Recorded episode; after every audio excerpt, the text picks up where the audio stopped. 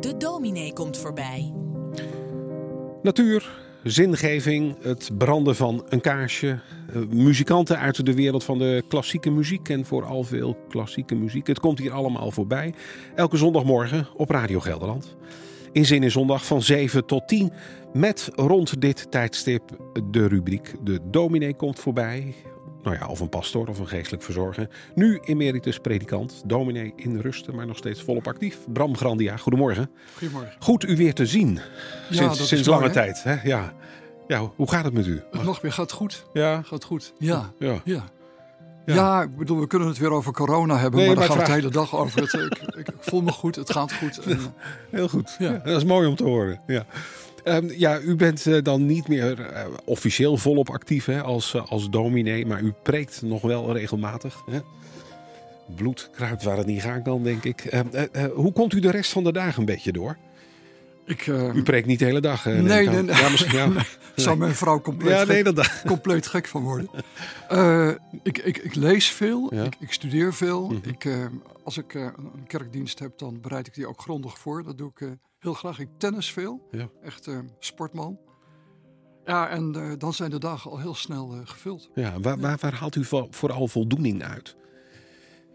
Eh, Dat is een groot woord, hè, voldoening. Ja. Nou, wat, wat, wat ik heerlijk vind, is, is, het, is het sporten. Mhm. Eh, wat, wat ik ook heerlijk vind, is het, eh, is het lezen. En ik wil er dan ook wel graag wat over schrijven.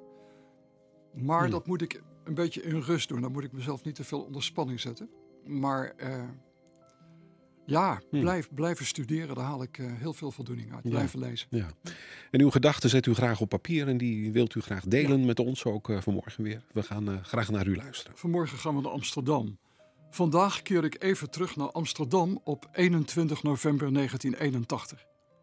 Ik was daar net begonnen als predikant in de Keizersgrachtkerk.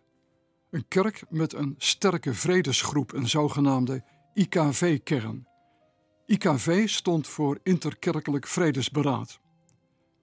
De eerste vijf jaar van mijn predikantschap in Westervoort waren roerige jaren.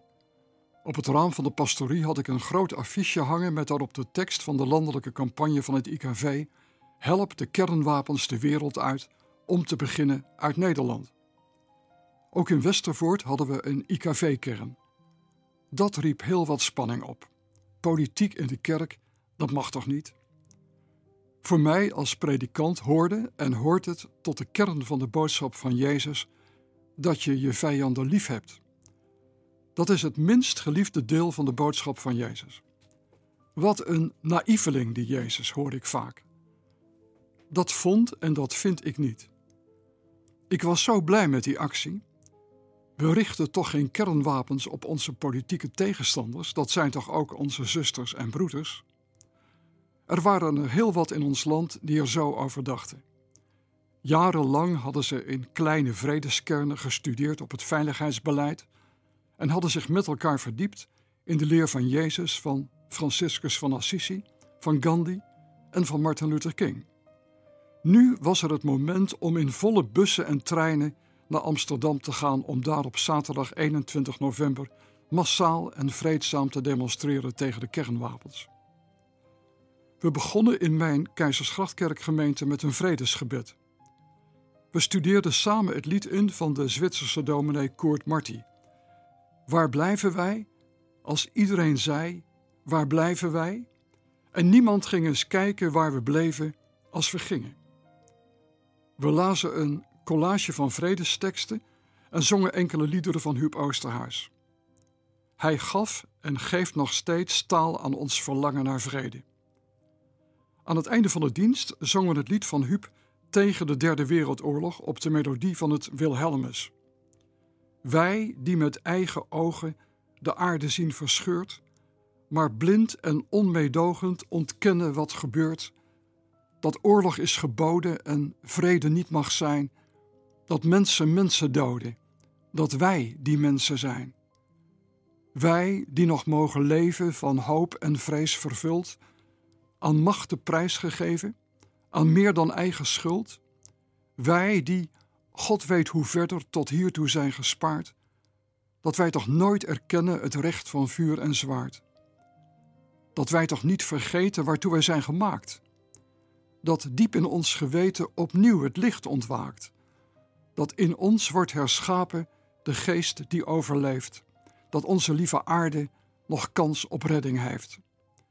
Met die liederen in ons hoofd liepen we naar het museumplein en vandaar de stad door. Voor mij en voor ons als gezin met jonge kinderen en voor ons als gemeente was het een demonstratie van hoop, liturgie op straat.